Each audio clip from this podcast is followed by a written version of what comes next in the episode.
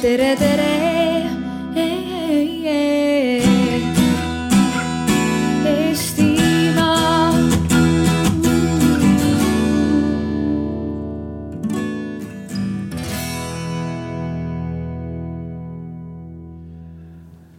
Nõnda, tere pärastlõunat siia energiapöörde alale.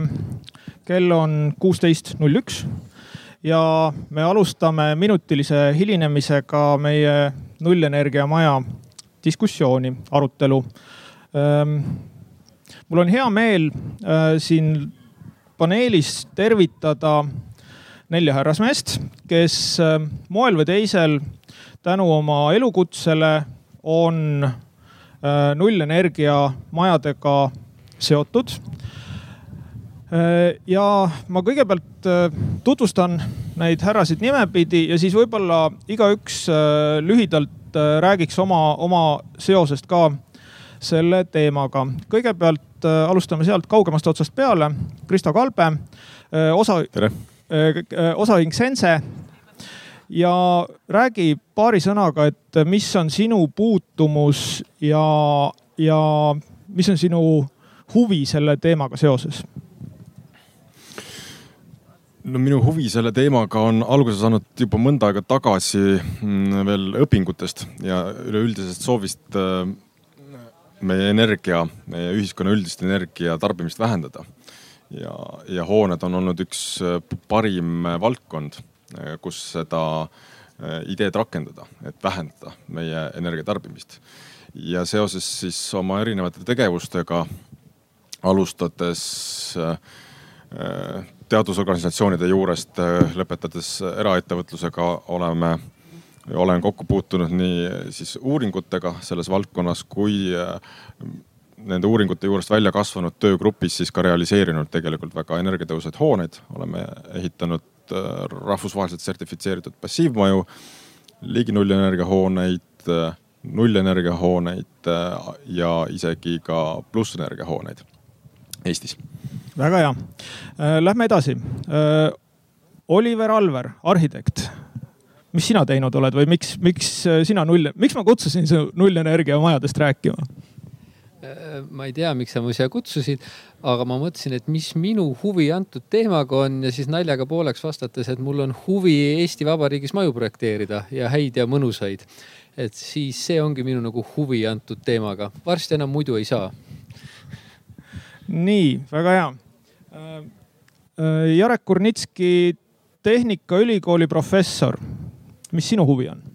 jah, äh, hoonete energiatõhususe ja sisekliima professorina mul on olnud võimalik tegeleda selle teemaga, kui ta Euroopas üles kerkis kahe tuhandete alguses. arendada nii Eesti energiatõhususe regulatsiooni ja seoses vahepealse töötamisega teha sama asja Soomes ja olen erialaliidu raames ka ligi nullenergia hoonete tehnilisi määratlusi teinud Euroopa tasemel, nii et selline akadeemiline väga sügav huvi selle valdkonnaga tegeleda. ja kindlasti laiemas kontekstis, nagu Oliver ütles, et, et talle meeldib häid maju projekteerida, siis äh, mulle meeldib häid insenere koolitada Tehnikaülikoolis, et kes siis neid äh, maju ka valmis suudaks ehitada. väga hea, aitäh. ja Andres Veske äh,, aktsiaselts Utilitas, mis sinu huvi siin on, miks sa oled siin? Noh, naljaga pooleks võib öelda, et äh, huvi on otsene, et äh, me oleme ettevõttena puudutatud äh, sellest, kui hooned väga energiatõhusaks muutuvad, siis võib öelda, et soojustarbimine ju väheneb. aga, aga tegelikult muidugi ükski kaugkütteettevõte täna enam nii kitsalt ei vaata seda probleemi. et, et kõik saavad aru, et ressursse tuleb tõhusalt kasutada ja, ja siin ringis ei ole veel küll otseselt kedagi, kes ligi nullenergia hoonete püstitamise vastu oleks, kaasa arvatud siis ka kaugkütteettevõtted. aga võib-olla lisama peaks nii palju, et, et kindlasti ei ole mul neid teadmisi, mis on arhitektidel ja lugupeetud professoril. aga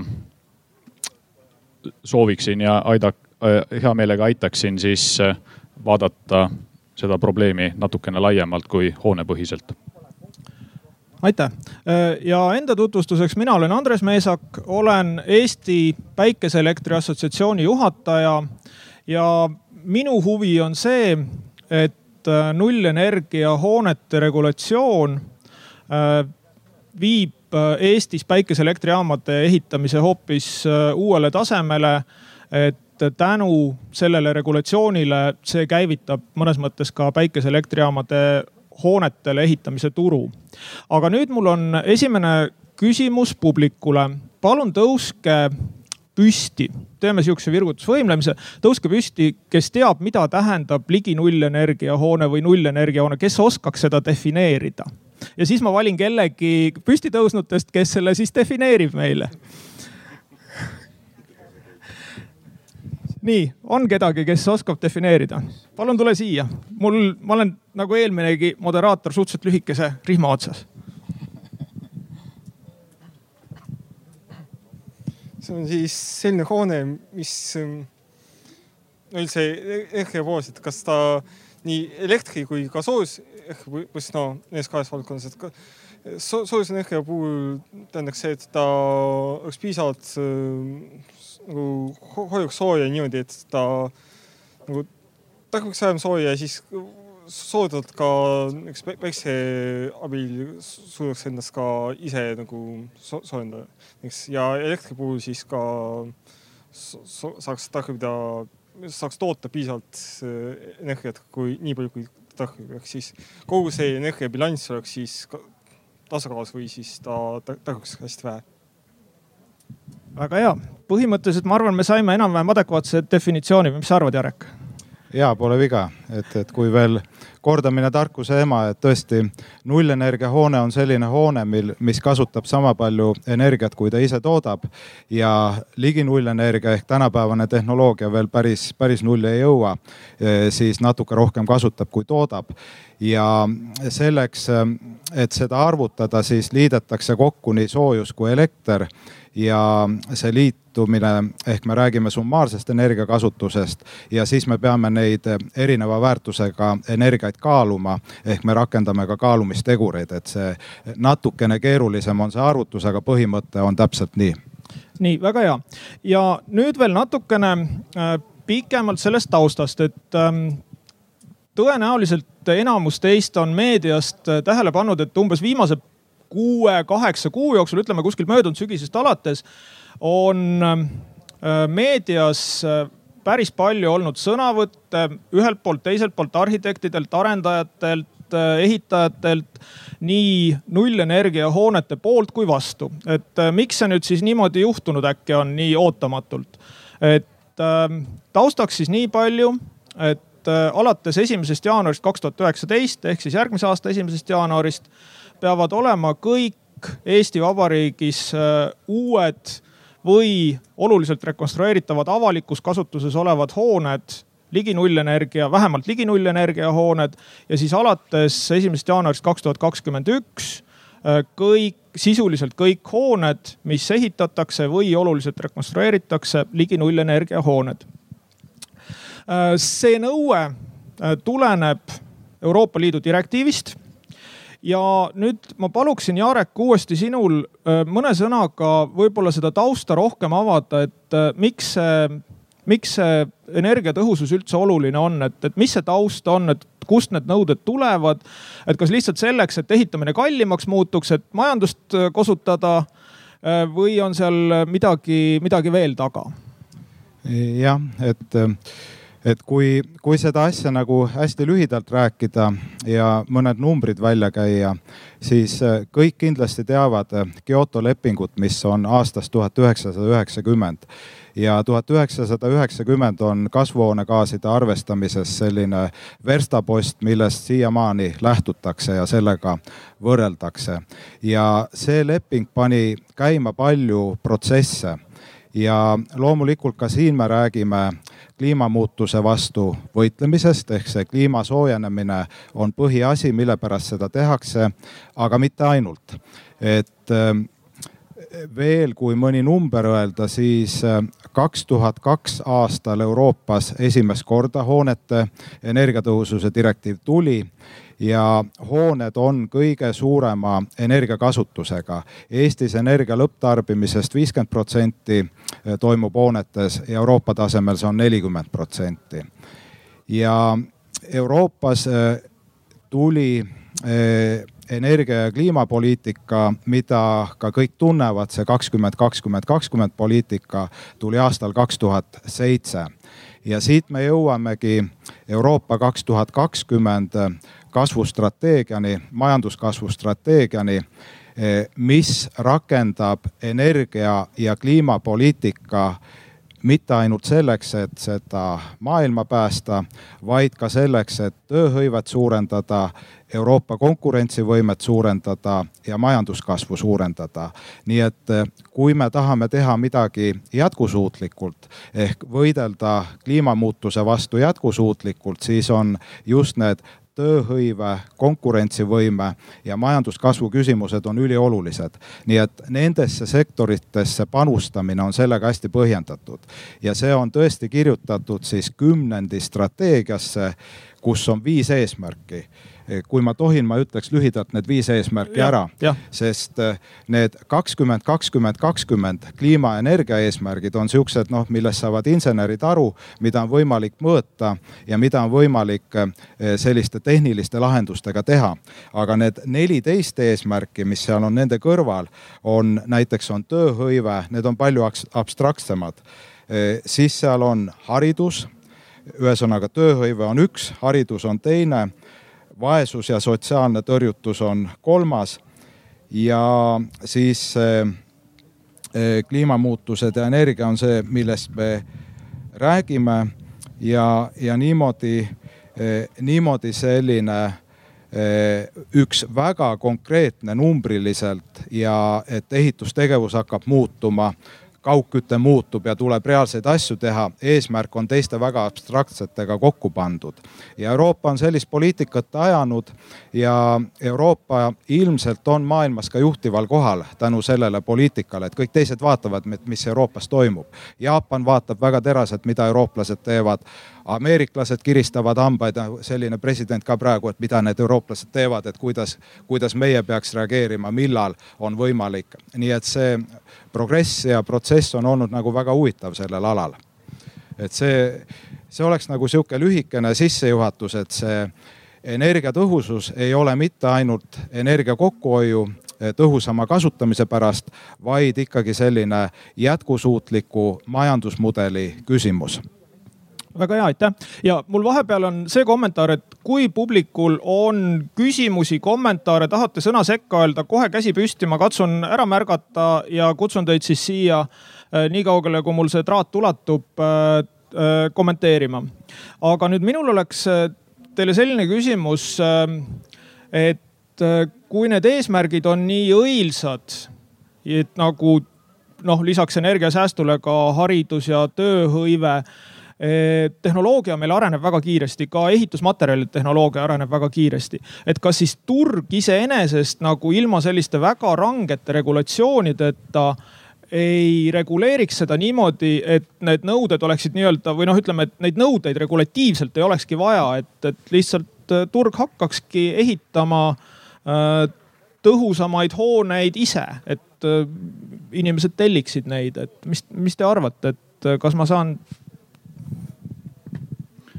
ma võin ühest aspektist seda vastata, et, et äh, turg mõnes mõttes tõesti on siin kaasa aidanud, et äh, näiteks äh, kaugküttes on täna juba üle viiekümne protsendi Eestis kasutatavatest kütustest taastuvad kütused. aga miks? Just, et see ei ole ainult see, et regulatsioon seda nõuab seesama kakskümmend, kakskümmend, kakskümmend, eh, millest Jarek rääkis, need eesmärgid täideti juba tegelikult kahe tuhande üheteistkümnendal aastal. ehk siis eesmärgid olid, eh, latt oli madalaks seatud. Eh, mis tegelikult taastuvatele pani kaugkütjaid üle minema, oli Gazprom. gaasi hind oli kõrge ja oli mõistlik teha äh, taastuvatel kütustel põhinevaid katlamaju ja koostootmisjaamu. muidugi, tegelikult aitas siin ka regulatsioon kaasa äh, koostootmisele äh, on siiamaani kehtestatud teatud subsiidium ehk riik soosib seda ja see on väga mõistlik. ehk siis üks näide lihtsalt, et kuidas turg asja reguleerib ühe sellise lisamõttena selle juurde, et äh, otse loomulikult turg äh, mõjutab, aga, aga teinekord on vaja seda turgu natuke tõugata. et äh, autondusest on hea, hea paralleele tuua, et see on selline maailm, millega ilmselt väga paljud suudavad ennast samastada või, või mingisuguseid paralleele tuua. et tänapäevased autod on varustatud äh, väga paljude erinevate turvalisuse elementidega, turvapadjad äh, või ka siis käedvabad süsteemi edasi. millede erineval tasemel autodesse integreerimine on ühel hetkel seatud kohustuseks. Äh, ja me täna ei, ei kujutaks võib-olla ette autot ilma nende, nende funktsioonideta aga, aga see on ka suuresti juhtunud just nimelt sellest, et mingil hetkel on ikkagi tehtud väike eelnev survestamine selleks, et äh, see tehnoloogia jõuaks ehk äh, suurema rahvahulga kätte ja sealt tekiks inimestel arusaam, et see on hea. et samamoodi on ka energiatõhuste hoonetega, et tegelikult sellises hoones on väga hea elada, seal on väga hea sisekliima. aga selleks, et äh, rohkem inimesi kogeksid seda, siis on vaja võib-olla ennem natuke tõugata ei saa ilma regulatsioonideta, see on kogemuse teema, et alati ehitatakse millegipärast Eestis kõik majad miinimumnõuetele vastavad. miks ei tea, aga ehitatakse. tõstame miinimumnõudeid, turg tuleb järgi, tulevad äh, soojemad aknad, rohkem soojustust. Ähm, see üldine turg äh, võtab selle omaks ja hakkavad kõik ehitama selliseid, aga ka miinimumnõude all maju. ma arvan, et kui praegu tuleb see ligi nullenergia nõue meil, me ei näe palju plussenergia maju. võib-olla mõned üksikud, mille pärast ei tea et ja natukene statistikat siia juurde, et mis, mis, mis toetab seda mõtet. et näiteks Utilitase Tallinna võrgupiirkonnas kahe tuhande kuueteistkümnendal aastal viiekümne kaheksast majast, mis liitus kaugküttega, said energiamärgise. Nad said erinevaid energiamärgiseid alates A-st oli seal ka B, C ja D äh, klassiga äh, maju. ja kui pärast analüüsisime, et kui palju siis need majad soojust tarbisid võrreldes sellega, mis siis ostjale, kinnisvara ostjale lubati, siis keskmiselt oli see nelikümmend kaheksa protsenti suurem majades ja ainult neli maja tervest sellest viiekümne kaheksast vastas äh, sellele, mis äh, ostjale lubati. ehk siis arendajad ühest küljest on aru saanud, et see vajalik on, aga teisest küljest võib-olla päris hästi ei osata veel äh, selliseid maju ehitada aga äkki küsiks korra, et paljud inimesed teavad, et äh, need energiaklassid, et mida see umbes tähendab, et jah, käsi püsti, ma enam puhul. püsti tõusta ei käsi, aga käsi püsti, kes teavad, mida tähendab hoone energiamärgis. ma enam ei kutsu defineerima ka, et olete te kindlad, et te teate, mida see tähendab ikkagi? sest et pesumasina puhul on see palju lihtsam, kui on ikkagi B-energiaklass ja A-energiaklassis. A-energiaklass võtab vähem äh, elektrit, see on hästi lihtne üks-ühele. aga majade puhul on see vähe keerulisem, see ei ole nii nagu üks-ühele nagu lihtne nõus. Äh, Jarek, on sul selle regulatsiooni ja regulatsiooni sunni kohta midagi, siis lähme energiamärgisega edasi, sest see on, see on pikem teema ilmselt mm jah, ma pean teid kahjuks kurvastama, ma olen siinkõnelejatega nagu samal nõul, et meil on raske seda opositsiooni leida, sest selge, et eh, turg midagi teeb ja turul on alati eristuvaid tegijaid nii nagu praegu on ehitatud B ja A-klassi maju. A-klass ongi see ligi nullenergia, täiesti vabatahtlikud, aga need on mõned üksikud ja on teadlikke kliente, kes tahavad paremat, kui on see miinimumnõue. ehk siis miinimumnõue on praegune C-klass aga nüüd see regulatsiooni vajalikkus on ajalooliselt, see on kogemusega tõestatud, et tõesti on vaja, et kehtestada turule mängureeglid, mille piires siis arendajad ja ehitusettevõtted saavad konkureerida. ehk kui nad konkureerivad parima hinna peale, kes ehitab korteri eh, kõige parema hinnaga ja müüb siis kliendile maha, et siis neil peab olema nagu see latt paigas ja siis, kui see korter ehitatakse kuhugile paremasse asukohta ja sinna võetakse nagu lisaargumente, et sinna võetakse paremaid omadusi, siis võib olla ka see energiamärgise klass seal parem. aga noh, need on ikkagi erandid ja väikene maht sellest turust, et mingi kaheksakümmend, kakskümmend reegel ilmselt selle regulatsiooniga nagu kehtib, et see kaheksakümmend protsenti ehk see suurem mass, mis ehitatakse, seal miinimumnõue on arendaja maksimum. ja, ja nii, nii ta on alati olnud ja see on täiesti, täiesti ka loomulik, et see latt peab olema paigas, nii nagu jalgpallis on mängureeglid ja siis hakkame võistlema, et, et mis võistkond võidab. nii on see igasuguses äritegevuses, et kes siis on edukas eh, sellel ehitusturul ja nii edasi nii väga hea ja nüüd äh, me juba jõudsime ääri-veeri energiamärgisteni. Äh, Jarek defineeris meile A-klassi, mis on siis ligi nullenergia klass. Äh, siis sealt kehvemad on täna veel lubatavad, täna on veel lubatav ehitada C-d, sealt allapoole enam ei ole ehk siis täna võib ehitada A, B, C klassi maju ja siis peale kahekümnendat aastat et äh, kui me räägime enamusest hoonest, need peavad olema põhimõtteliselt A-klassi majad. nüüd Oliver, sina tõstsid sellise natuke kriitilise äh, kriitilise kommentaari energiamärgistesse. ma tean, et äh, sul on päris huvitav idee energiamärgiste osas, et äkki sa räägiksid ja siis teeme publiku osas ühe küsitluse, et kas Oliveri idee siinsete arvajate hulgas lendaks või ei lendaks teeme nii. Äh, ma vaatan siit neid vanu maju siin. ilusad, mõnusad punase katusega vanad majad. kas nendest majadest saaks teha A-energia klassi majad? ja, saab teha see, kui sa teed neist A-energia klassi majad, see ei tähenda, et sa selle maja teeksid, äh, soojustaksid, paneksid uued aknad vundamendi, kõik soojustaks ära, teeks selles mõttes korda. ei, piisab, et sul on suur krunt see peab olema sinu oma kinnistu. see on ainult praegu Eestis üks nõue. paned selle päiksepaneele täis, saadki, võid isegi plussenergiamajaks saada. maja on täpselt samasugune sara, puhub läbi, mitte midagi ei muuda, aga ta on A-energiaklassi maja, ligi nullenergiaklassi maja noh, ja see on minu jaoks praegu üks siukseid probleeme selle energiamärgise juures ja, ja noh, see on, see on nagu see, kuidas see reaalne elu nende energiamärgiste nendega nagu toimetab.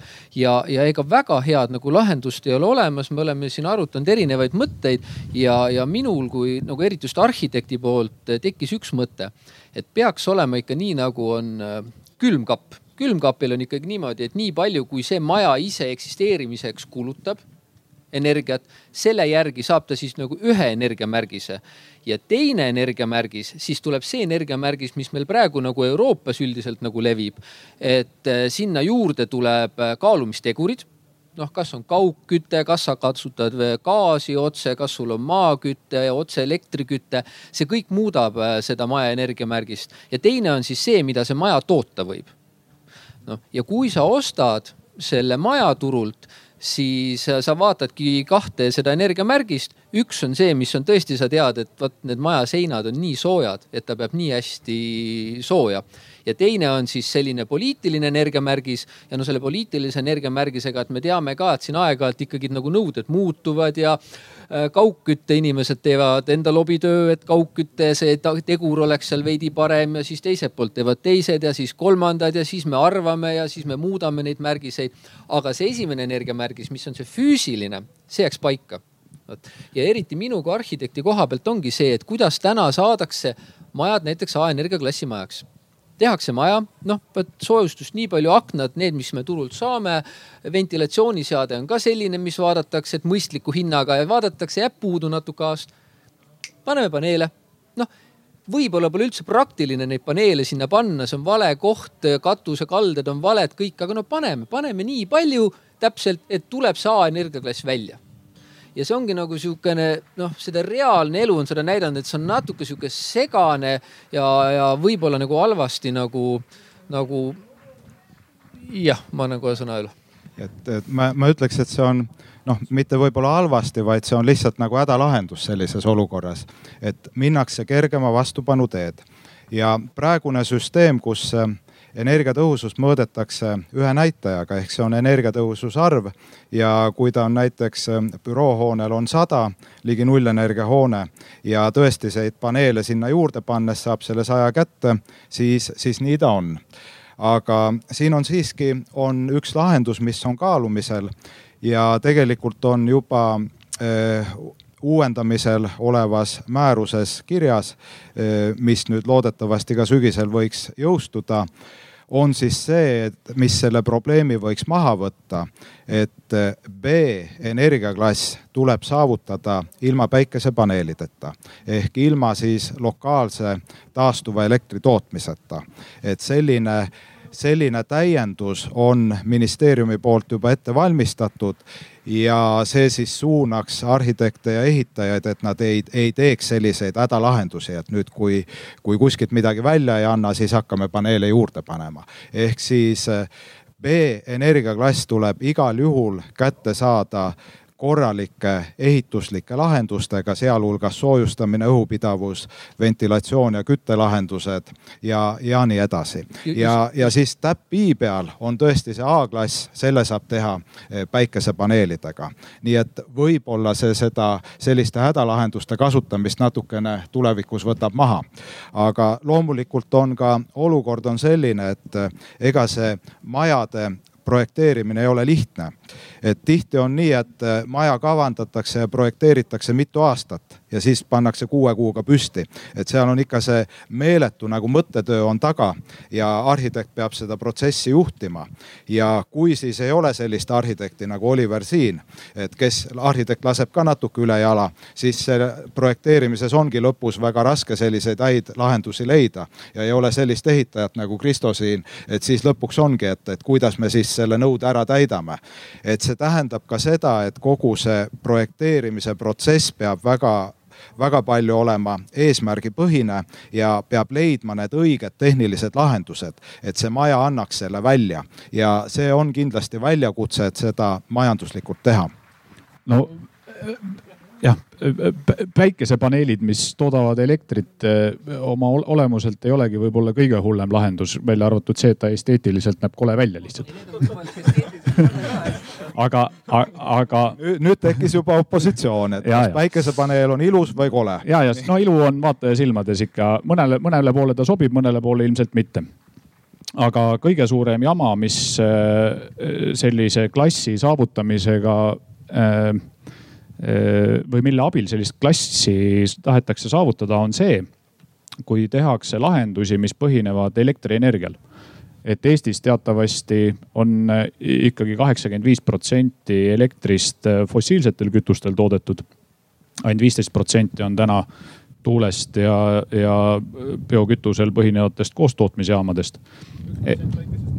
ja üks protsent päikesest, seda peab kindlasti mainima, et aga vot see on kõige suurem jama, mis võib äh, olla, et kui nüüd eesmärkidest veel rääkida, siis tegelikult Eesti äh, energiamajanduse arengukava näeb ette kahe tuhande kolmekümnendaks aastaks, me noh, kohatu on võib-olla rääkida enam kahe, kahe tuhande kahekümnenda aasta eesmärkidest, et Euroopa Liidus alles muidugi seatakse sihte ka kolmekümnendaks aastaks.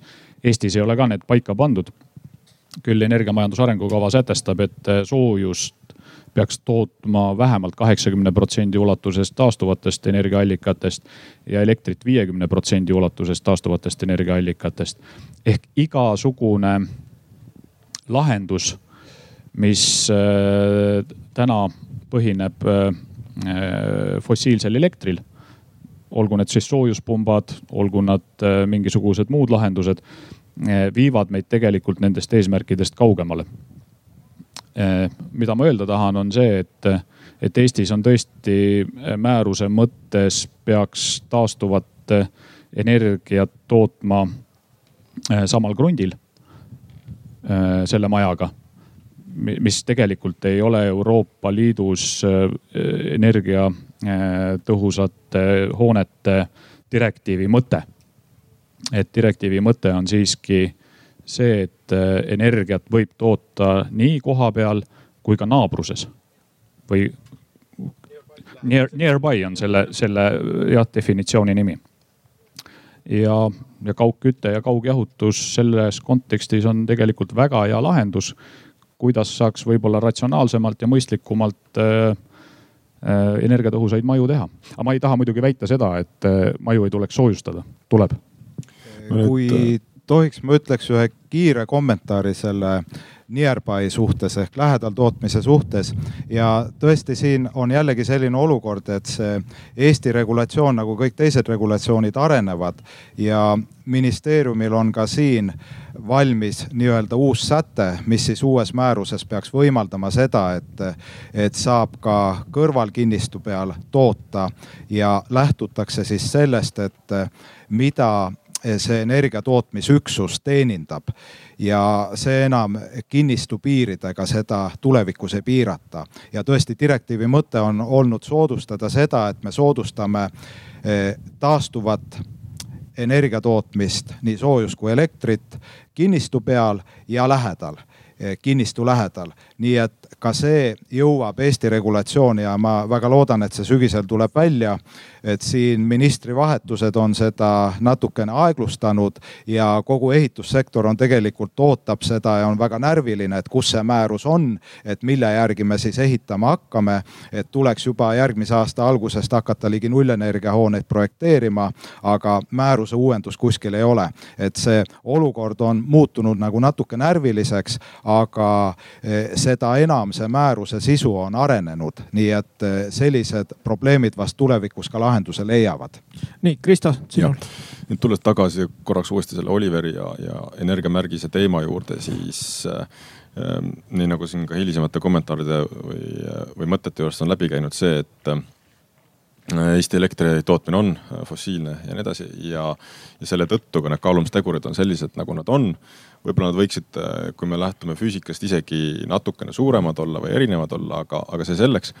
Mm, küll aga sellest joonistub välja tegelikult selle äh, energiamärgise või energiatõhususe arvu sisu Eestis, mis kipub olema rohkem äh, selles mõttes, et see number näitab rohkem seda hoone keskkonna, hoone kui terviku koos oma tehnosüsteemidega selle, selle hoone keskkonna mõju mitte niivõrd äh, äh, selle hoone otsest energiatarbimist, mis on hea selle, selles mõttes, tõesti, et, et, et kui me tahame keskkonna, keskkonnamõju vähendada, hoonete koormust ja nii edasi, et see on hea. aga arendajatel, ehitajatel, lõppklientidele teeb see olukorra väga segaseks. ja, ja pigem on mul see paralleelmõte, et, et kui hooned sellisena kui me räägime hoonetest hästi lihtsas ja konkreetses võtmes, seinad, aknad, noh, ühesõnaga selline käegakatsutav konstruktsiooniline osa. et, et kui see osa muutub paremaks, muutub energiatõhusamaks, siis äh, teatavas mõttes sõltumata sellest energiaallikast meil äh, üleüldiselt muutub olukord paremaks. et äh, noh, alati leidub inimesi, kes võib-olla tahavad otse elektrit kasutada ilma soojuspumpadeta ja nii edasi ja see ei ole üldsegi mitte hea siis äh, ma usun, et valdav enamus ikkagi puhtalt oma rahakotti vaadates ikkagi valib äh, energiatõhusama lahenduse, mis tõenäoliselt on ka keskkonna mõttes parem. aga äh, see praegune olukord on natukene liikunud sellises suunas, kus selle hoone enda paremaks tegemine ehk on jäänud tahaplaanile. me kipume liiga palju rääkima paneelidest ja taastuvenergia tootmisest koha peal. et, et, et kuidagimoodi mm, võiks see parem olla ja meil on noh enda siis äh, hoonetega tehtud igasuguseid äh, simulatiivseid trikke ja, ja asju selles, selles mõttes trikke, et me oleme lihtsalt proovinud nagu, kuidas ühtepidi ja teistpidi see, see, see hoone toimiks. ja kui meil on ehitatud maja, mis on täna ligi nullenergia hoone, seal on päikesepaneelid peal, see on väga hea maja. pool meetrit soojustust välisseintes, katuslaes isegi rohkem ja, ja nii edasi tase on selline, siis sõltuvalt puhtalt kütt allika valikust ja kas seal on paneelid või kas seal on äh, otseelekter või gaasikatel või kaugküte, mis iganes. et sõltuvalt sellest äh, selle energiatõhususe arv varieerub vahemikus selliselt, et ta on kas A-klass või äh, napilt C-klass sisuliselt. ja, ja see on absurdum. see on seesama maja. me räägime täpselt samast majast ja seal varieerub A-st C-ni nii, nii.. aga, aga ma julgeks insenerina öelda, et see ei ole seesama maja. et kui selles majas on ikka otsene elektriküte või on seal näiteks maasoojuspump veeküttesüsteem või on seal kaugküte, siis see on ikkagi erinev maja.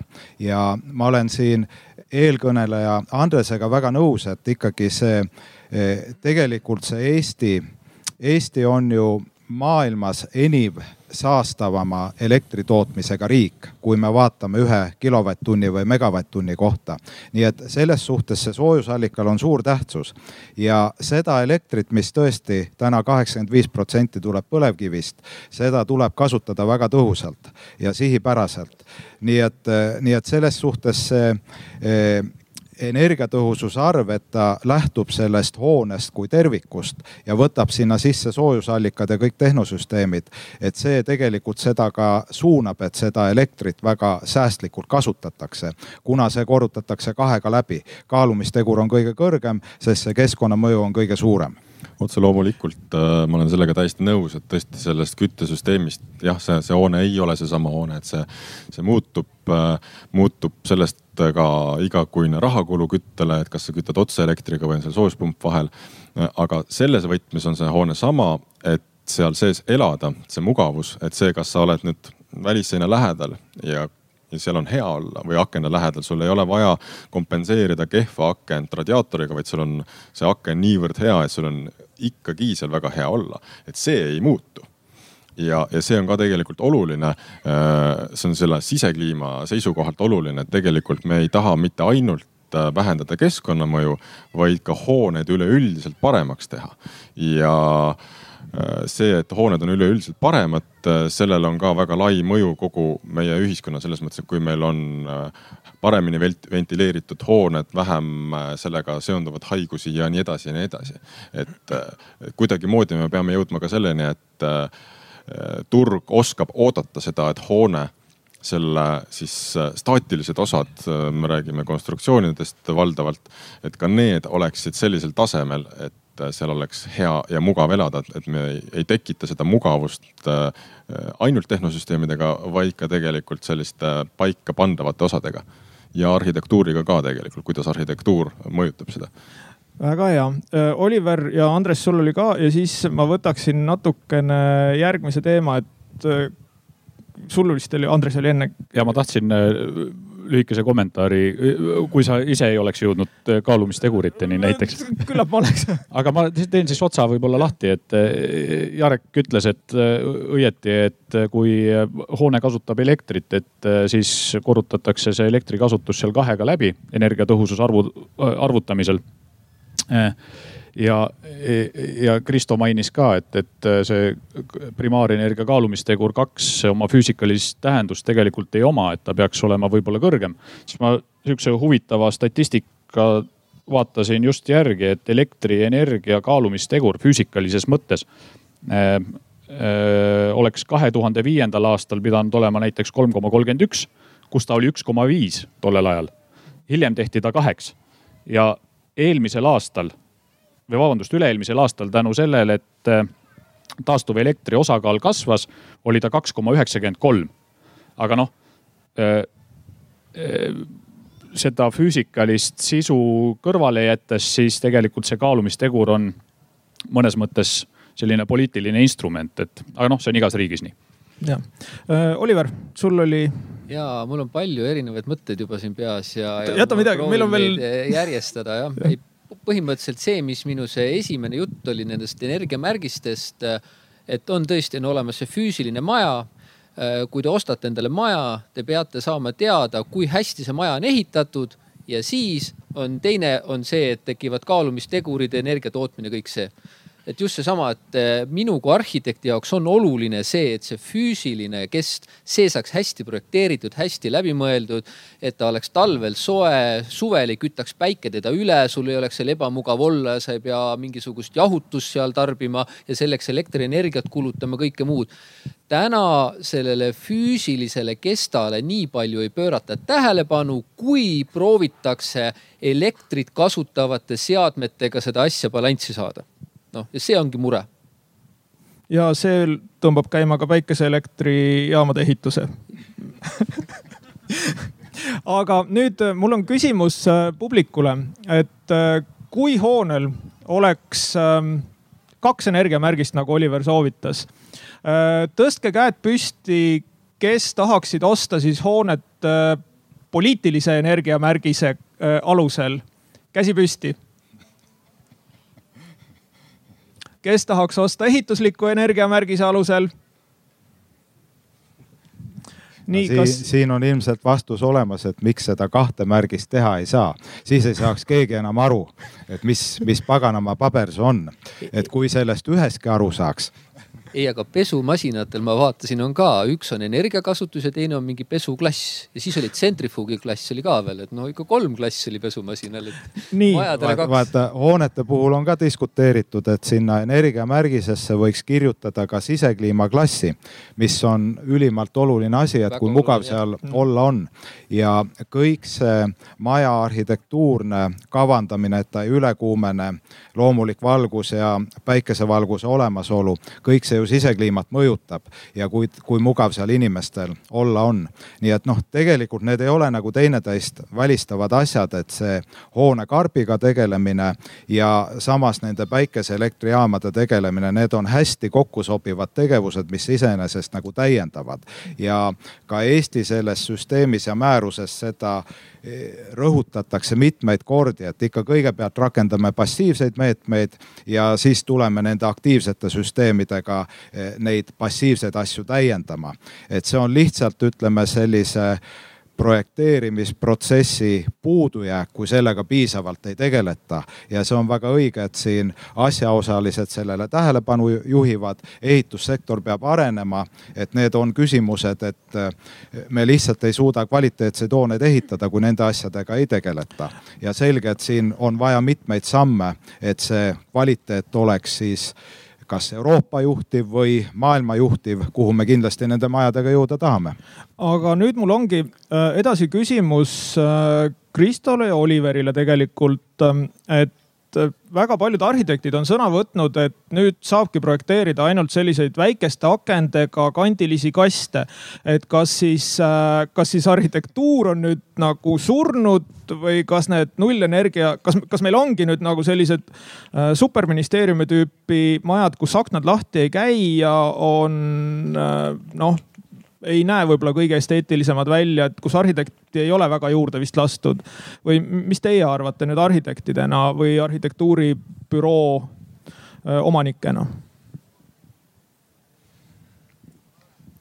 jah äh,, arhitektuur ei ole kunagi surnud selles mõttes, et ükstaskõik millised need majad või linnaruum või ümber on, et see on alati nagu arhitektuur ja nüüd on küsimus, kas on nagu hea või halb, eks ole, et kas meile see meeldib või ei meeldi äh,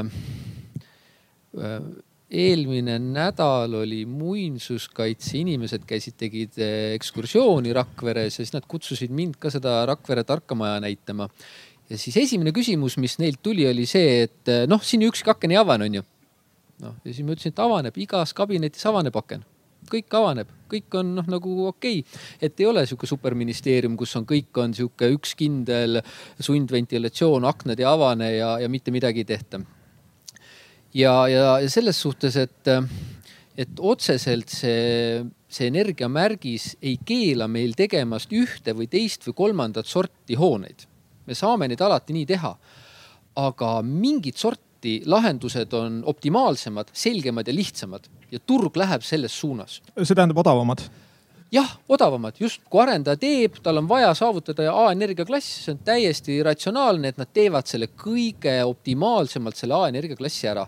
ja see, kuhu see nüüd see turg just läheb, et me oleme sellest nagu ennem ka, et noh, tõesti, eks ole, me siin ei aruta esimest korda nendel teemadel, eks ole, et need, see turg täna Eestis läheb selliste kastide peale lihtsalt siuksed kingakarbid, äh, sundventilatsioon, parem kui aknad ei avane, sest see keelab nagu asjad nässu ja peab mingeid andureid panema ja kõik muu, et. ja see on üks asi, mis teeb arhitekte murelikuks hetkel, et see trend läheb siukseks nagu kastarhitektuuriks. ei ole üldse rahul ja lõpuks noh. et siis ongi ikkagi niimoodi, et tulevadki kast. vaadatakse nagu arhitektide otsa, et kuulge, milliseid maju te projekteerite, teie ju projekteerite neid. ma ütlesin, et nojah, noh proovime nagu ette ära rääkida, et kuulge, et tegelikult võiks leida mingisuguseid teisi ideid ja sellesama kahe energiamärgise väljapakkumine, see on üks võimalik tee niimoodi, et rohkem panustatakse selle füüsilise kesta läbimõtlemise peale, see on nagu palju töötunde läheb sihuke hästi läbimõeldud füüsiline kest, noh sellega peab vaeva nägema. Krista? jah mm., et äh, kõige, kõige lihtsam äh,, kuidas nüüd öelda, et, et äh, kõige lihtsam õhtusöök on äh, makaronid hapukoorega. et noh ja, ja Juustu. juustuga jah, et ja kindlasti väga mitmed algajad söögitegijad, noored inimesed ka, ka rakendavad seda meetodit ja teevad, et, et eks siin ole ka, et me oleme äh, energiatõhusate ehitus, ehitiste loomisel ikkagi mm, algfaasis, see tähendab seda, et väga suur osa turul tegutsevatest ettevõtetest pole kunagi neid hooneid teinud ja kui nad hakkavad seda tegema, siis nad alustavad otse loomulikult kõige lihtsamatest äh, nii-öelda meetoditest. Ja, ja see ehk on tinginud sellise teatava äh, arhitektuurilise mm, samanäolisuse sellele, sellele, sellele valdkonnale ja nendele hoonetele. aga mida rohkem kogemusi omandatakse, seda rohkem äh, ka saadakse äh, aru, et, et kuidas tegelikult on ikkagi selle uues, selles uues situatsioonis võimalik olla ka loominguline. ja noh, mis puudutab näiteks aknaid, siis äh, tegelikkuses vastupidi kui me rakendame passiivseid meetodeid, ehk siis me üritame koguda võimalikult palju päikeseenergiat äh, sinna ruumidesse, siis, siis äh, tegelikkuses on pigem äh, sooduslik ehitada suurte akendega hooned, hästi suurte akendega, et peab nad lihtsalt orienteeruma ilmakaarte suhtes soodsalt. et, et üldsegi mitte nii, et ainult väikesed aknad. ja kast on, kastil on neli nurka. et äh, kui, kui me teeme mingisuguse muu kuju, siis neid nurki on rohkem ja siis on ka rohkem ehitussõlmi, mis siis peavad olema kuidagimoodi külmasilla vabalt ja õhupidavalt lahendatud ja kuna õhupidavuse tagamine on äh, väga paljudele ehitajatele ja ka projekteerijatele, kuna see algab projekteerimisest tegelikult õhupidavuse tagamine, et see on väga keeruline ülesanne kuigi mitmed võtme, võtted seal tegelikult on suhteliselt primitiivsed, siis noh, teinekord ongi lihtsate mõteteni jõudmine kõige keerulisem. siis, siis äh, tegelikkuses äh, on nii-öelda turvaline vältida neid nurki ja, ja konsoolseid äh, ehitisi ja, ja nii edasi, et kui meil täna on mingisugune hoone, millel näiteks teine korrus ulatub üle esimese korruse, nii-öelda ripub õhus, siis äh, hästi levinud on see, et sellele nii-öelda teise korruse põrandaosale noh, ei panda soojustust, seda, seda pannakse sinna minimaalselt. Äh, sellepärast et noh, milleks aga see muidugi tingib eba, ebamugava sisekliima ja kui me ehitame energiatõhusaid hooneid, siis me otse loomulikult ei taha sisekliimat kuidagimoodi äh, ebamugavaks teha, me peame sinna soojustust panema. niipea kui me sinna paneme soojustust, siis hakkab tekkima kohe täiendavaid küsimusi, see kõik see paksused muutuvad, proportsioonid noh aga on olemas ka erinevaid materjale, kuidas seda teha, et, et äh, ei pea siis panema tselluvilla, saab panna midagi muud võib-olla ja nii edasi ja nii edasi, et lahendused on olemas. aga probleem on see, et äh, keegi peab mõtlema neid ja, ja, ja teinekord võib see mõtlemine osutuda ülemäära keerukaks okei okay,, Jarek, ma tahaksingi sinult nüüd küsida, et ma tean, et äh, sinu ja sinu kolleegid koostöös on valminud teatavad juhendmaterjalid null, ligi nullenergia hoonete projekteerimiseks, ehitamiseks, et äh, kas, kas need juhendmaterjalid nüüd ütlevad, et tuleks nagu väikeste akendega kastmaju projekteerida või, äh, või mida need juhendmaterjalid, milleks need head on? Ehm, need juhendmaterjalid ähm, sisaldavad terve rea näidisprojekte ja ma ei ütleks, et seal nüüd nii väga väikesed aknad on aga, aga selge, see on nüüd üks küsimus, millega tuleb projekteerimise käigus tegeleda. ja tegelikult noh, et süüdistada energiatõhusust selles, et hoonetel on kehv arhitektuur, et see ei ole ka päris õige. Et selge on see, et seda kasti ehitada on kõige lihtsam, eriti kui seda veel tehases tehakse. Ja see on lihtsalt, euro on see konsultant, mis tingib seda, et arendajad palju neid kaste teevad ja nad teevad neid tõenäoliselt nii kaua, kuna nad, kuni nad suudavad neid kehva arhitektuurilise kvaliteediga kaste maha müüa. Et eh, siin tuleb mängu tellija teadlikkus ja kui tellija tahab midagi paremat, hakkab rõhuma ka esteetilisele kvaliteedile, siis Oliver rõõmustab, aga nüüd ongi küsimus, et kust need teadlikud tellijad saada. et eks need eh, tellijad on ju ka nii, et ega eh, neid on väga raske koolitada, nemad mängivad oma rahaga teatud mõttes ja, ja nii edasi, nii et see on nagu sihuke laiem arengu küsimus. aga, aga selge on see, et see eh, võib-olla see akna suuruse näide ei olnud nüüd nagu hea eh, selles suhtes, et eh, kui me vaatame seda superministeeriumi hoonet, siis väljas see paistab nagu klaaskastina. see paistab, et see on klaasfassaadiga maja, aga see klaas on ainult seal viimistlusmaterjalina ja tegelikkuses need aknad, mis seal sees on, ei ole väga suured. ja miks need aknad lahti ei käi? Selles majas nad ei käi sellepärast lahti, et see mitteavanev aken on odavam. ja see ei ole ka tegelikult argument, et kui aken teha lahti, siis lööb süsteemid segamini. no ei löö, meie, meie kliimas võib täiesti rahulikult aknaid lahti teha ja talvel lihtsalt tuba läheb külmaks, et kaua aega ei saa lahti hoida ja ei Aga... juhtu ventilatsiooni ja jahutussüsteemiga mitte midagi, kui aken on lahti. ja see on jälle sellise Eh, hea projekteerimise küsimus, sest me teame, uuringud näitavad seda, et inimesed ei ole hoonetes rahul, kui neil ei ole võimalik akent avada. nii nagu inimesel peab olema vaade ruumist välja läbi akna, nii peab olema tal ka võimalus, et jalutada kuhugile, teha aken lahti ja kasvõi nina korraks välja pista. ja kui me võtame inimeselt sellise võimaluse ära, siis tekib psühholoogiline tõrge ja inimesed hakkavad kaebama, et see ei ole hea maja, seal on kuidagi ebamugav olla, seal on vist sisekliima probleemid, kurat teab mis. seal ei, ja, ja nii, nii ta ongi, et see on teaduslikult tõestatud. aga Kusjuures... loomulikult seda nüüd arendajale ära tõestada, et hakka panema sinna kallimaid aknaid, mis ka lahti käivad, see ei ole nii lihtne. tema loeb eurot ja teeb siis nii, et kui klient on nõus, siis need aknad lahti ei käi ja, ja kusjuures teate, tegelikult on üleüldse niimoodi, et kui sellises väga energiatõhusus hoones äh, aken lahti teha talvel tuulutamiseks näiteks, kuigi seda otseselt vaja ei ole, sellepärast et seal on olemas ka ventilatsioonisüsteem. aga noh, võib-olla oli, käis hästi suur rahvahulk korraks külas ja tahtsite kiiresti äh, ära tuulutada, siis, siis tegelikult on niimoodi, et nüüd selline maja käitub sellises olukorras palju paremini kui äh, mis iganes nendest majadest, mis, mis siin ümberringi on.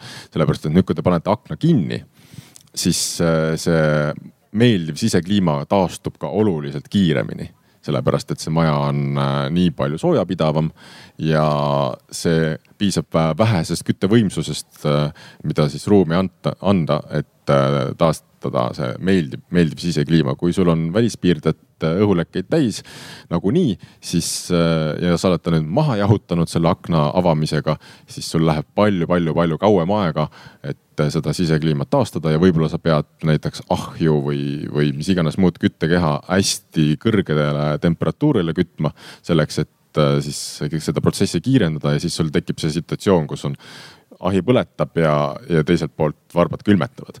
et, et see on nii-öelda siis ütleme tavalistes või, või ajaloolistes majades hästi levinud probleem, mis aga ei ole äh, ligi nullenergia hoonetes või energiatõhusates hoonetes probleem, kui nad on ehitatud selliselt, et ka see hoonekarp on kvaliteetne. otse loomulikult, kui on sul ikkagi see läbipuhuv maja ja paneelid peal, siis seal pole vahet Ho.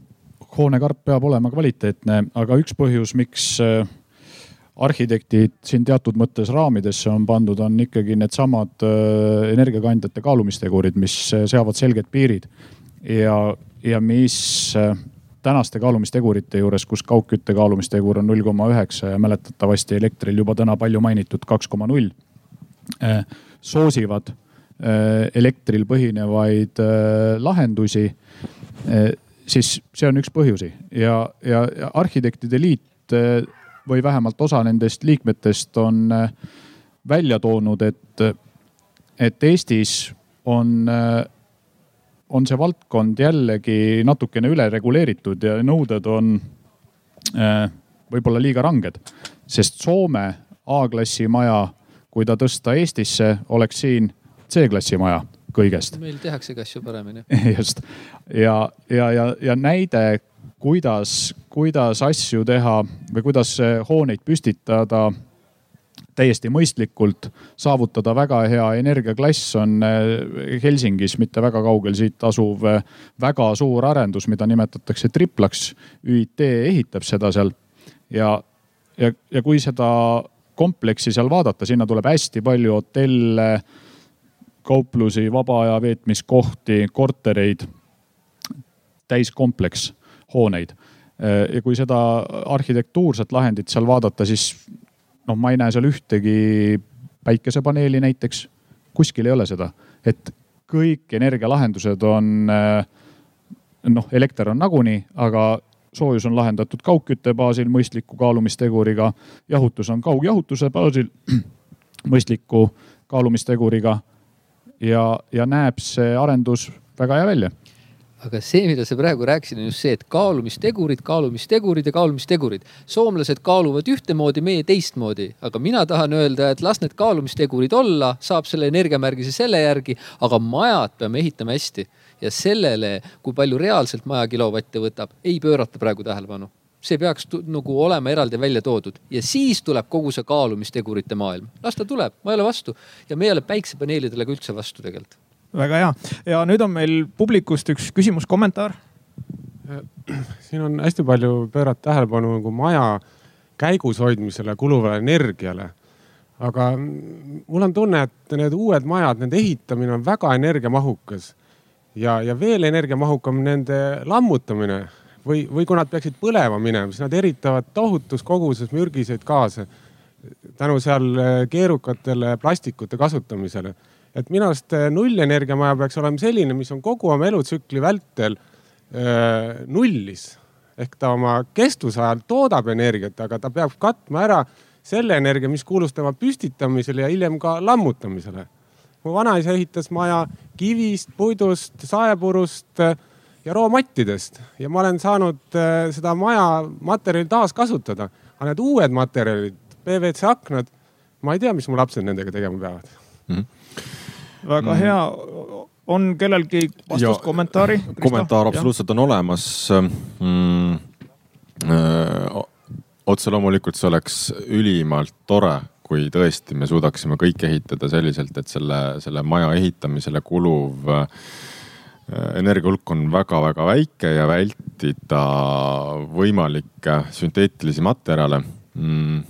noh, need majad, mida nüüd meie firma ehitab, äh, need on üsna lähedased seal, selles mõttes, et need on puitkarkast majad, soostus on need celluvill, puitkiud, tuuletõkkeplaadid, puitaknad ja nii edasi, et äh, seal ei ole seda sünteetikat, mida, mida publiku seast siin nüüd äh, kommentaar mainis äh, ja täiesti, täiesti vabalt saab ehitada nullenergia maju ka niimoodi, et, et seal ei ole vaja kasutada sünteetilisi materjaleid.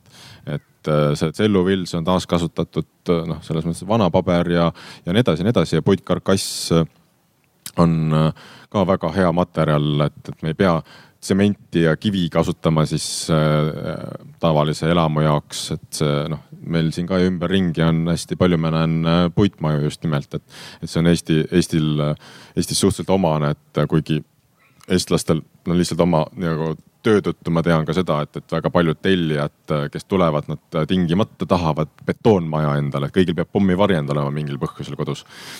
et, et see on ka nagu sihuke tellija teadlikkuse küsimus osaliselt.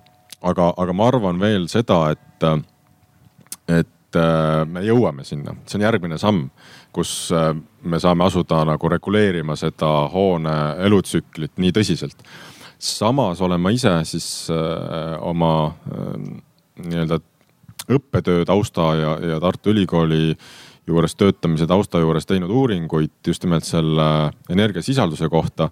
ja, ja võrdlusena, et, et see energia kokkuhoid, et näiteks kui me kasutame mineraalvilla, klaas, klaasvilla, mis on oma tootmiselt üks suhteliselt energiamahukas materjal, sellepärast et, et nende klaaskiudude tekitamine on seotud suurte temperatuuridega, mis on väga energiamahukad, siis äh, Äh, sellise noh, viieteist sentimeetrise soojustuse asemel viiekümne sentimeetrise soojustuse kasutame, kus me lisame hästi palju seda soojustusmaterjali sinna, siis tegelikult selle lisasoojustusmaterjali tootmiseks kulunud energia hulk hoitakse kokku juba mõne aastaga Eestis.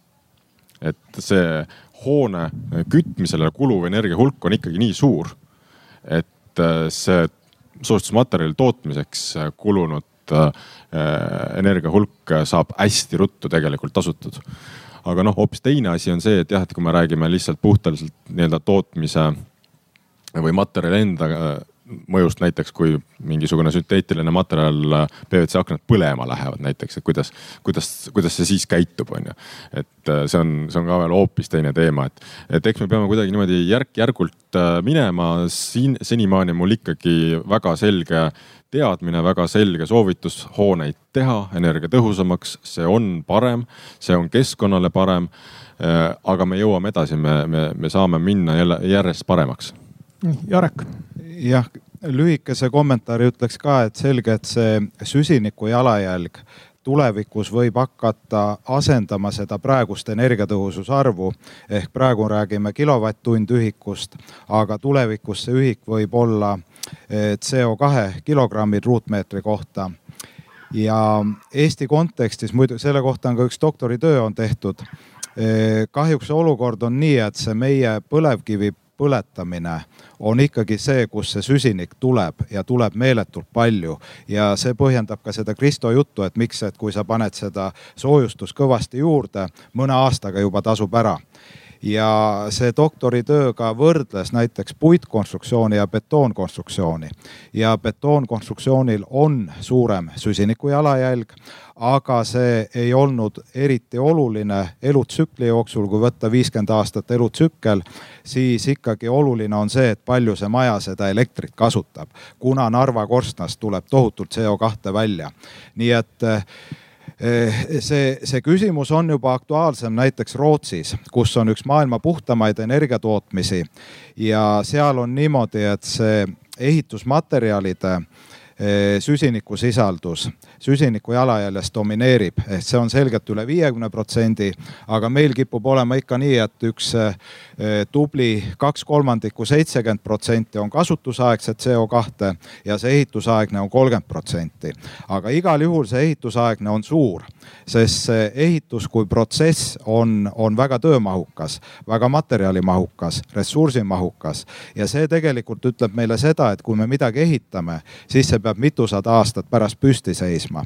et tee üks kord ja korralikult ja kasuta seda kaua, siis on ressursitõhus ja on jätkusuutlik. ja otseselt ei saa nagu ühtegi materjali süüdistada, ka seda plastikakent ei saa süüdistada, sest see on samamoodi jäätmekäitluses saab seda edasi kasutada, sellest uusi plasttooteid toota. see lihtsalt see elu on selline, et ei, ei ole nüüd head ja pahad materjalid, aga loomulikult seda süsiniku jalajälge eh, tulevikus kindlasti kindlasti hakatakse rohkem jälgima ja Eestis siis peale seda, et kui kaks tuhat kolmkümmend näiteks elekter jõuab sinna et, et viiskümmend protsenti on taastuvenergiat, siis juba on rohkem põhjust seda ka ehitamise süsiniku jalajälge arvutada. aga sinnamaani eh, peame seda elektrit väga-väga säästvalt kasutama. jah, ja no muidugi on ka see, et, et see talumaja või sihukese vana puithoone paralleel toob meid ühe teise teemani, et, et seda me, sellist, sellist hoonetüüpi me kipume kõik romantiseerima. see on sihuke nagu justkui mingisugune unistuste maja, kus kõik tahavad elada.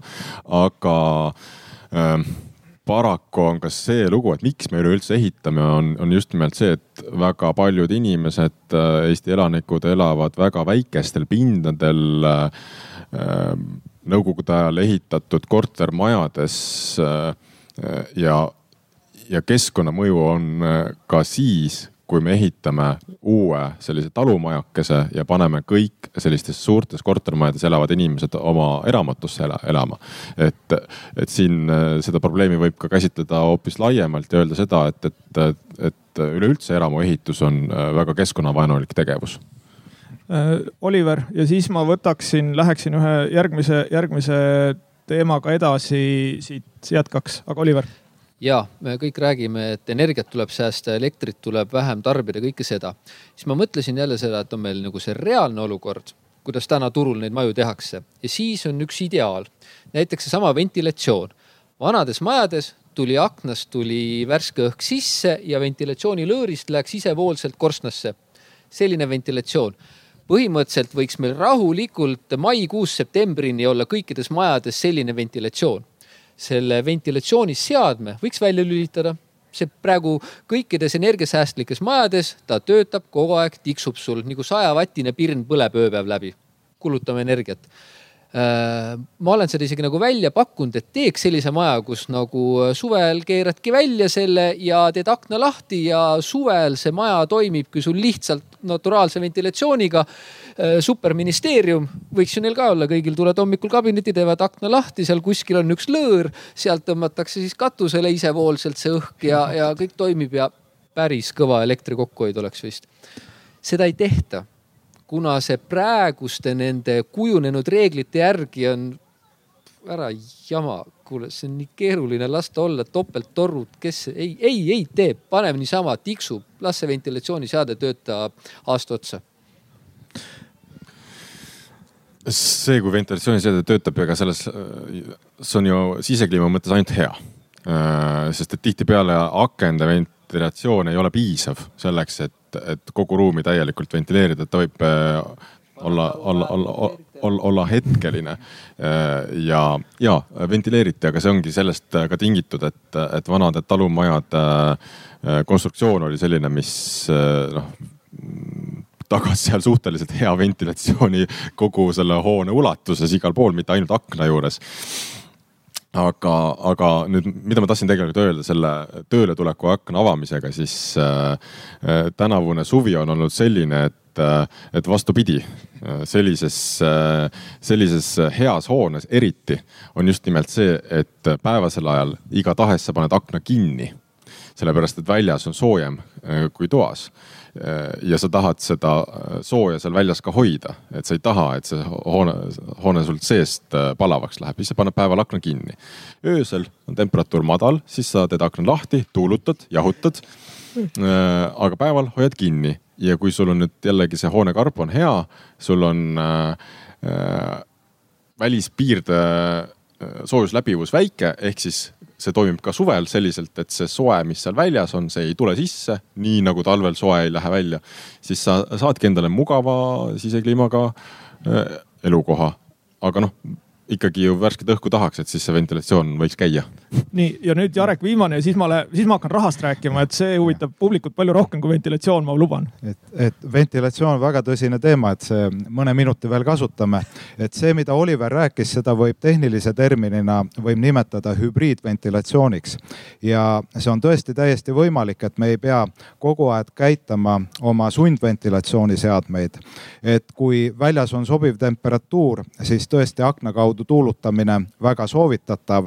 aga loomulikult siis peavad olema lahendatud nagu need küsimused, et näiteks kodudes endiselt peab olema WC-st väljatõmme pesuruumis peab olema ka väljatõmme, et see ära kuivaks või ei oleks lõhnasid, hallitama ei läheks ja nii edasi.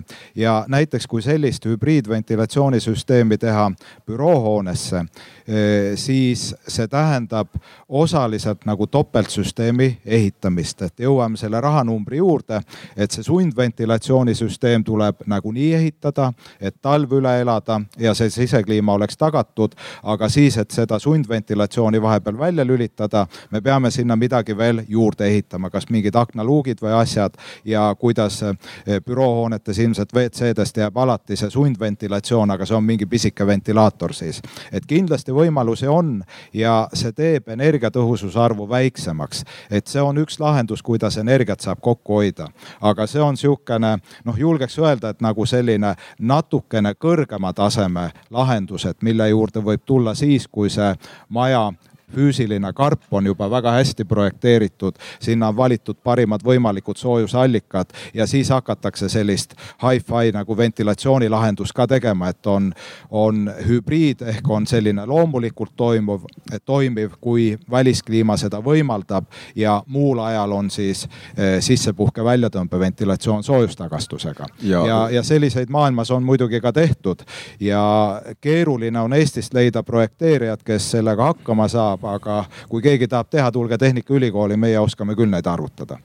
ja mõned meie, meie majade kliendid äh, teevad seda selles mõttes, et nad äh, üritavad su, suviti ise seal kõikvõimalikke meetodeid kasutades veel täiendavalt energiat kokku hoida. avavad aknaid, lülitavad ventseadet välja ja nii edasi ja nii edasi mm,. mina ei viitsiks okei okay.. ja ühe, ühe kommentaarina ütleks veel, et, et kui, kui te hoiate oma ventilatsiooniseadme sees, et te elate väikemajas, teil on ventilatsiooniseade. see on nagu hea stereoseade, et nupust sisse, nupust välja, kogu aeg töötab.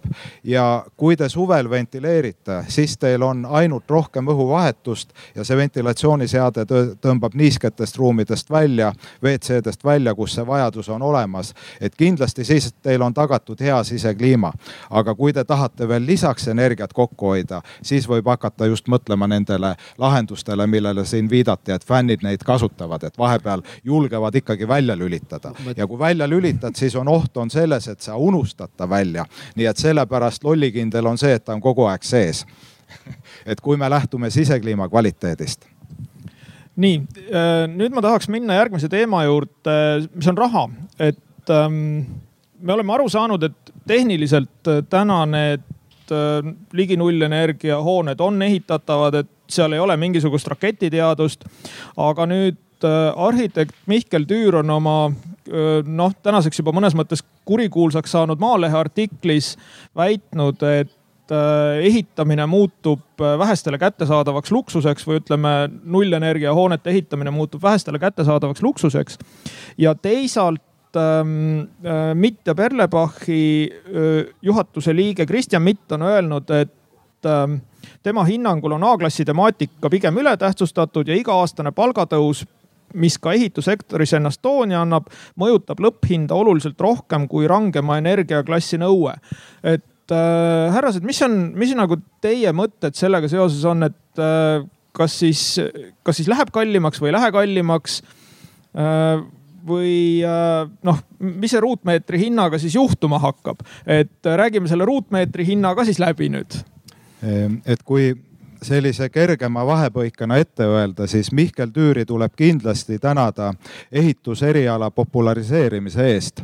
et sellist äh, meedias olekut ja et Eestis tekkis nagu kolmas teema, kogu aeg oli Rail Baltic, oli, oli sihuke teema, mis oli meedias, siis olid tselluloositehas ja ühtäkki tulid ligi nullenergia hooned, ehitus kolib Lätti, ehituse, ehitustegevus Eestis lõpeb, rehielamute ehitamine keelatud, ahiküte samuti keelatud, võimatu ja arhitektid peavad hakkama midagi teistmoodi tegema. õudne, et see, see oli täiesti nagu uskumatu, kui tugevalt need teemad meediasse tulid ja tuli ka see, et, et sundventilatsioon paha majasid kiletatakse, vanasti ahi tõmbas ja kas nüüd nii ei võigi teha. et, et selline eh, rehielamu ideaal toodi tagasi ja ilmselt nüüd neid eh, arhitektidel on kõvasti tööd, et neid rehielamuid valmis projekteerida, mis siis ligi nullenergia hoonetele vastaksid, aga ma arvan, et meie insenerid suudavad sinna ka selle sisu välja mõelda. et eh, aga see võib-olla ongi see koer on maetud sinna, et, et kui me vaatame seda ligi nullenergia hoone ehitusmaksumust, me oleme teinud Tehnikaülikoolis palju arvutusi ja räägitakse sellisest asjast nagu kulu optimaalsus. ehk siis ühesõnaga ministeerium ei saa kehtestada ühtegi energiatõhususe miinimumnõuet, kui see ei ole põhjendatud. see peab olema elamute puhul kolmekümne aastase perspektiiviga, see peab olema elutsükli miinimumkuludega. nii et need, need nõuded ei tule, ei tule õhust ja need on mitmeid kordi läbi arvutatud, aga need arvutused toovad välja selle, et tekib meeletu punktipilv, tekib selline suur-suur punktiparv, et sa võid samasuguse maja ehitada kas poole odavamalt või poole kallimalt. ja kui sinna ei leita optimaalseid lahendusi, siis ta võibki väga kalliks minna. ja ilmselt Mihkel Tüür räägibki sellest olukorrast, kus arhitekt ei saa hakkama, ei suuda projekteerimisprotsessi ohjades hoida ja need lahendused lähevad kalliks.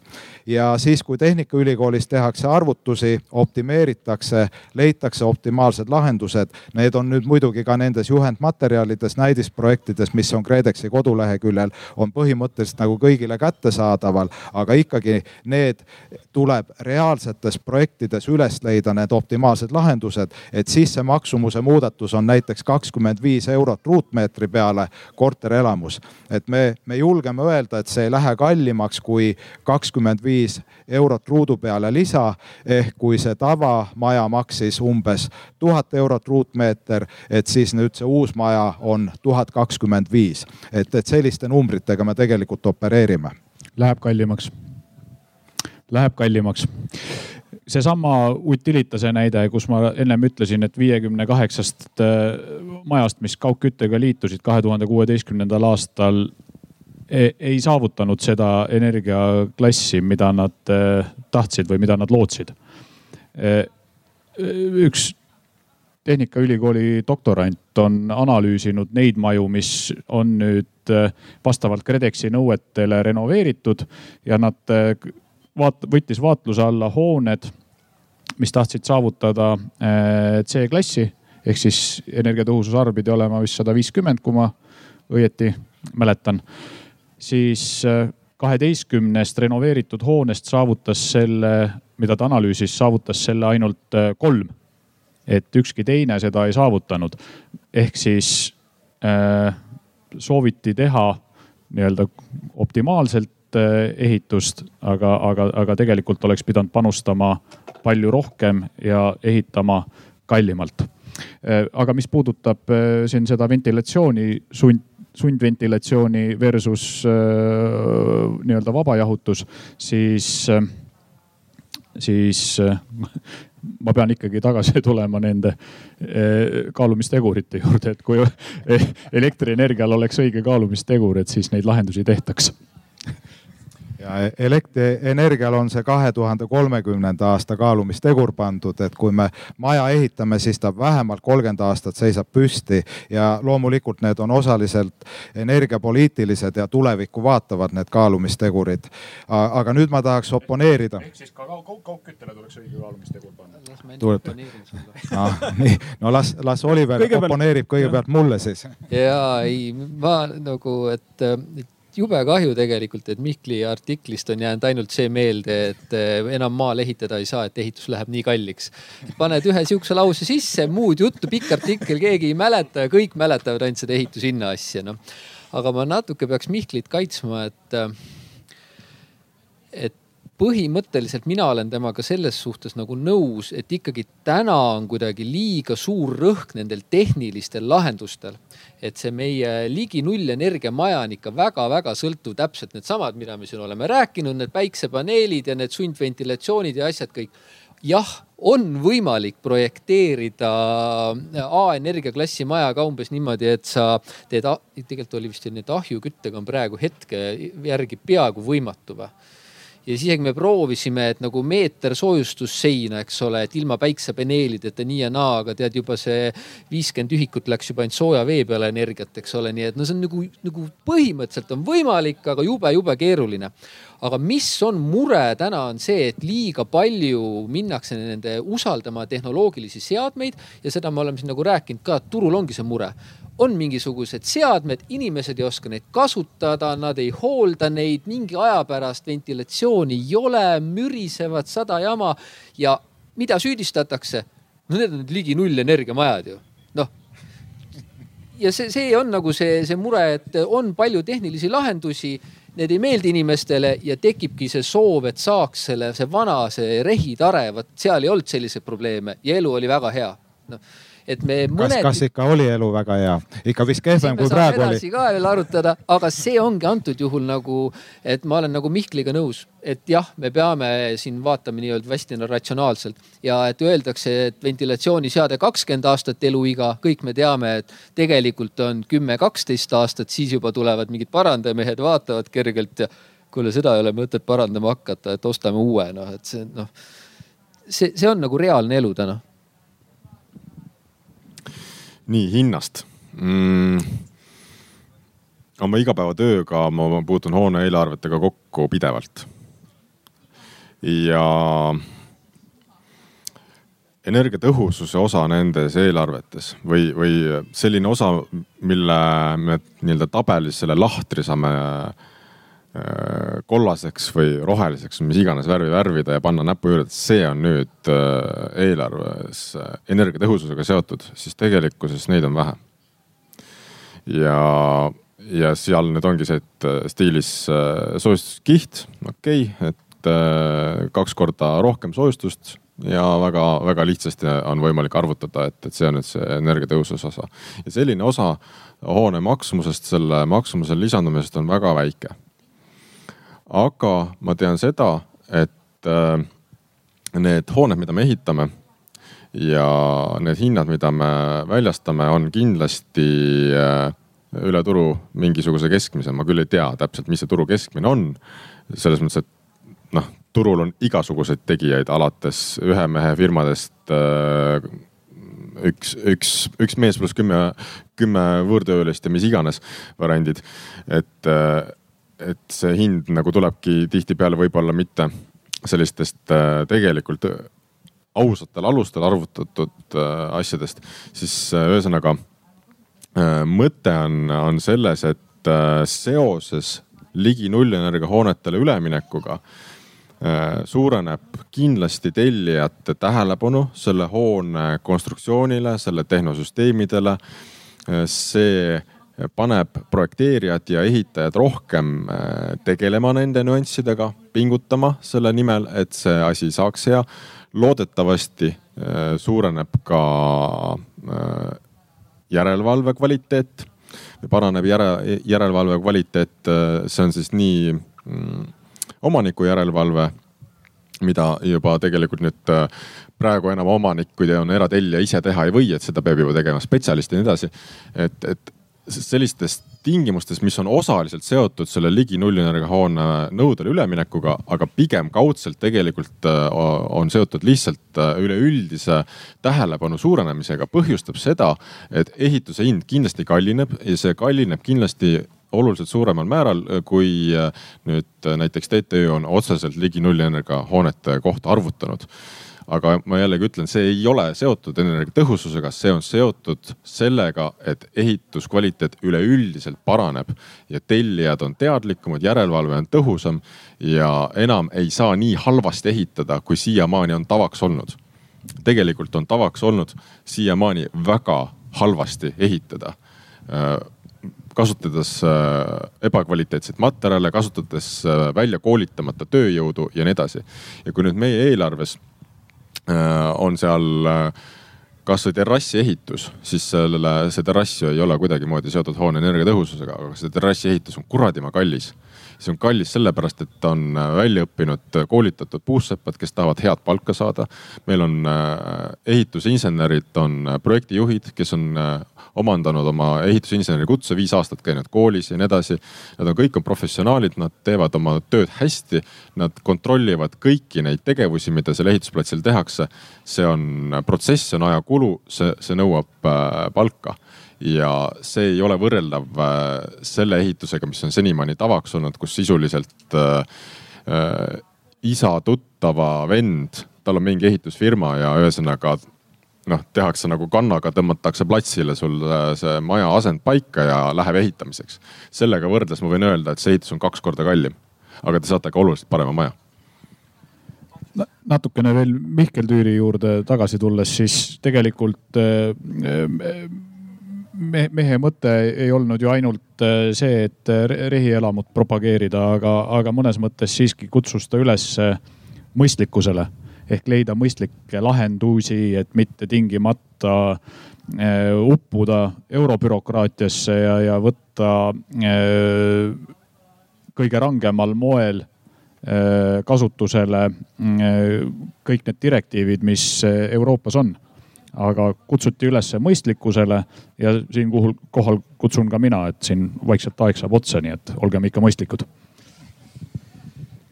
ehm, või võib-olla ma tahaks öelda kaks kommentaari, et selle ehitushinnaga ma olen, olen väga nõus, et tegelikult ehitushind on ju viimasel ajal mingi paarsada eurot ruudu peale lihtsalt tõusnud.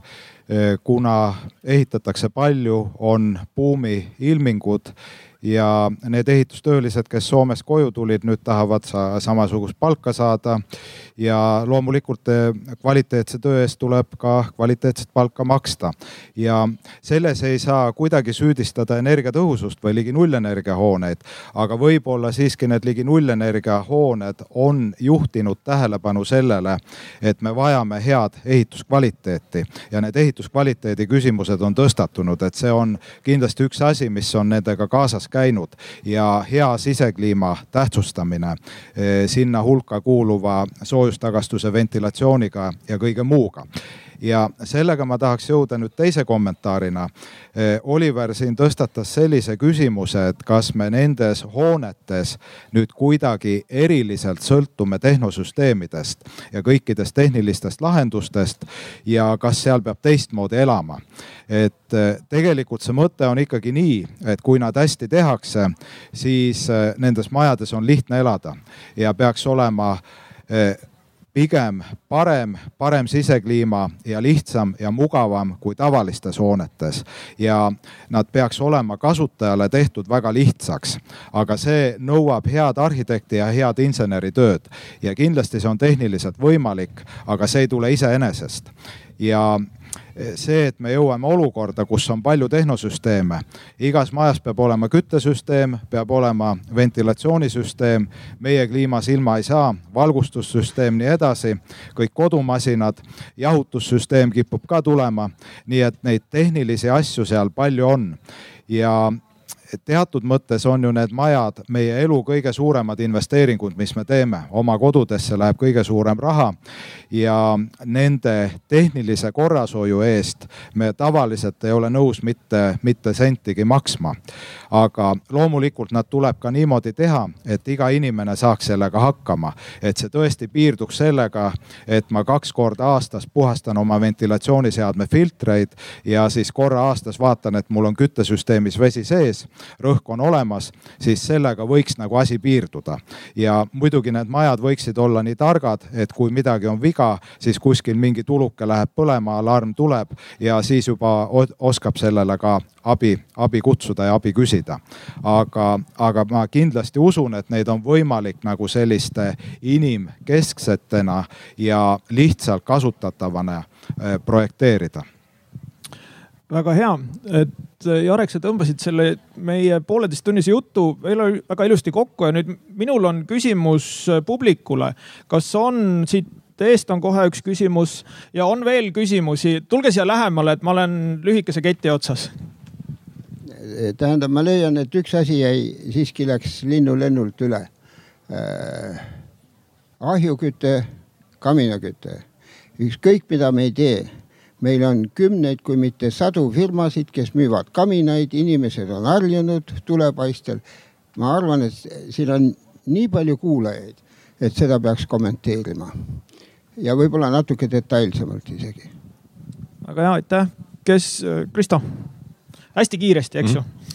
Ahjuküte on absoluutselt võimalik, selles ei ole küsimust. muidugi peab arvestama mõningate nüanssidega, nagu näiteks õhu pealevooluga, et, et see ahi ikka ilusti põleks. ja teine nüanss on nüüd see, mis on võib-olla kõige üks olulisemaid nüansse ahikütte puhul või, või kamina puhul tulepaistel olemisega. see ahi on olnud ka äh, selline ajalooliselt kehva hoone, kehva hoonekarbi kompenseerimiseks vajalik selline võimas energiaallikas ja kui äh, me nüüd teeme väga hea hoone ja paneme sinna elava tuleallika, siis äh, juhtub lihtsalt see, et äh, teil läheb hästi kiiresti hästi soojaks seal, seal majas. ja see ei ole kõige mugavam hoone kütmise meetod enam. et talvel väljas on külm, paned puud alla ja, ja sul on järsku on toas on väga-väga palav, sellepärast et see, see kamin eraldab nii palju energiat, mida selles majas enam vaja ei ole. ja siis sa oled selle probleemiga kuidagi nagu silmitsi, et sa pead aknad avama, seda energiat välja laskma. see lihtsalt ei ole tänapäeval enam mugav. aga see võib olla seal nii-öelda emotsiooni mõttes olemas mingiteks üksikuteks kordadeks või äh, tagavaraks et ma, ma ütleks ka, et, et kindlasti on palju inimesi, kes seda kaminat tahavad ja ma olen kindel, et see kaminamüüjate ja ahjumüüjate äri õitseb hästi ka tulevikus. aga oluline on see, et kui te selle kamina panete, siis seal, seal peab olema põlemisõhukanal, et see õhk ei või tulla ruumist, sest näiteks kui radiaator soojendab õhu üles ja siis see läheb ahju ja korstnast välja, siis on see energia raiskamine. nii et sinna peab tulema välisõhukanal kütte koldesse, mis on üks asi. ja teine asi on see, et kui me tahame seda ahju või kaminat või mingit soojust salvestavat kaminat kasutada kütteseadmena, eh, siis peab, meil peab olema soojuse salvestamise võimalus, sest need hetkelised võimsused on nii suured, nagu Kristo rääkis, see maja kuumeneb üle. aga on ka selliseid, mis akumuleerivad seda veepaakidesse või pannakse see põrandküttesse.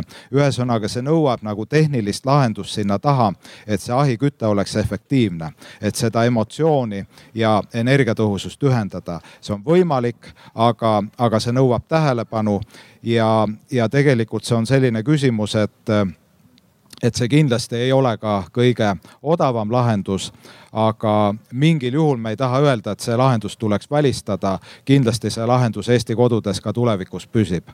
kas meil ei oleks tark poliitiliselt ahjukütte kaalumistegur teha näiteks null koma üheks? kuidas mõte? et oma metsast, oma puudega ja, ja, ja madalama kaalumisteguriga. tarbija ja see, selle pakume kohe uuele ministrile välja, kui ta ametisse asub. kuna laval on ilmne vähemus, vähemusarhitekte, siis ma kakskümmend aastat praktiseeriva arhitektina lisaks ühe kommentaari siia. et me viime läbi äh, Eestis kui tegelikult Euroopas eksperimenti, mille ulatus on nagu ennenägematu. ma ei tea, et sellist äh, oleks varem tehtud ja ma pean tunnistama, et professionaalina ma ei ole väga kindel, et me tegelikult teame, kuhu me sellega välja jõuame, me teame numbrites, kuhu me välja jõuame, aga me ei tea, kuhu me jõuame selle keskkonna võttes, mida me siin nagu kavandama hakkame, sellepärast et see ulatus, millega me, millist muutust me praegult läbi viime, on tegelikult nagu enneolematu. Aga mulle tund- ja noh, nii-öelda siis praktiseerivana oma kommentaar sellele on ka natuke see, mulle tundub, et selle, selle nullenergiaga ja ja selle targa majaga on natuke nagu kommunismiga, et paberi peal on kõik väga ilus, numbrid on head. me vajame tarku insenere, tarka arhitekte, head tarka klienti ja tellijat ja, ja riiki ja ilusaid ka õigeid kaalumistegureid. kommunismiga oli sama, et sinna oli vaja head inimest ja siis on ideaalne süsteem aga noh, vaatame, mis meil tegelikult siin täna siis nagu on, et kuidas meil siis nad on, et ega nagu selles mõttes üleöö ei muutu mitte midagi.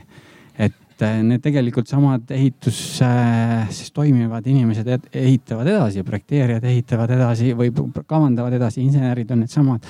et selles mõttes, et eh, tegelikult eh, turul ei ole seda nagu piisavat pädevust sellise ulatusega eksperimenti adekvaatselt läbi viia noh, me teeme seda, me katsetame, me lihtsalt juhin tähelepanu, et me oleme kõik katsejänesed ja ma kipun arvama, et ilmselt ärge seda kedagi, kellelegi edasi öelda, et väike saladus, et ilmselt turul on paista, et ju läheb nagu tagasi nagu Vene ajal oli see projekteerimine niimoodi, et kavandati nagu noh, kuna normid olid ette, ütlesid, kui palju võis elamispinda või abipinda teha, siis ja üldse, kui suur võis maja olla ja nii edasi ja nii edasi. et siis ka nagu nii-öelda kombineeriti, inimesed olid leidlikud, et eks see paneb ka inimeste ja klientide leidlikkuse ilmselt proovi peale, proovima aitäh. väga hea. Ähm, ma arvan, et see oli päris hea lõppsõna. Äh, on teil keegi, kellelgi veel midagi hästi kiiresti, kolm sõna igalt ühelt ma vastaks küsimusele küsimusele, küsimusele küsimusega. kui me midagi ei tee, kas siis midagi muutuks, kas meie elukeskkond siis läheks paremaks? et selles suhtes neid eksperimente kindlasti tuleb teha ja loomulikult igat muutust võib nimetada eksperimendiks.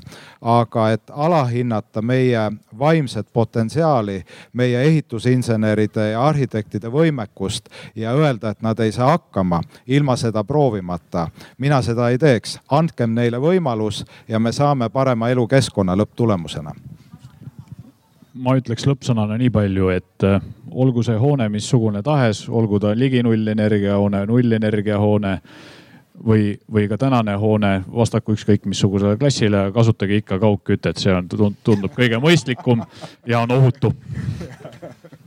väga hea, Kristo. jah äh,, alustan selles mõttes samamoodi, et, et äh, olgu see hoone kuidas tahes nimetatud äh,, seal lõppkokkuvõttes ei ole vahet, aga publikule selline palve, et äh, olge teie need teadlikud tellijad. Ehk et äh, proovige endale selgeks teha, missugune on hea kodu, missugune see peab olema sisekliima, missugused materjalid äh, ja, ja küllap äh, te siis jõuate ka moel või teisel ikkagi selle hea lahenduseni, mis on tõenäoliselt energiatõhus ma ei usu, et keegi teist leiab, et energiatõhus äh,, mitte energiatõhus maja on hea. et, et jõuate, jõuate ka selleni ja tegelikkuses variante, neid meetodeid, äh, kuidas selleni jõuda, on palju ja edasi liikuma peab, ainult ma arvan, et neid selliseid vestlusi tuleb veel ja veel pidada, et valida see optimaalsem ja targem tee. Väga hea. Ja kui teie olete nüüd need ähm, teadlikud kliendid ja hakkate oma majasid äh, kavandama, siis KredExi kodulehelt leiate väga head juhendmaterjalid. mina tänan teid kõiki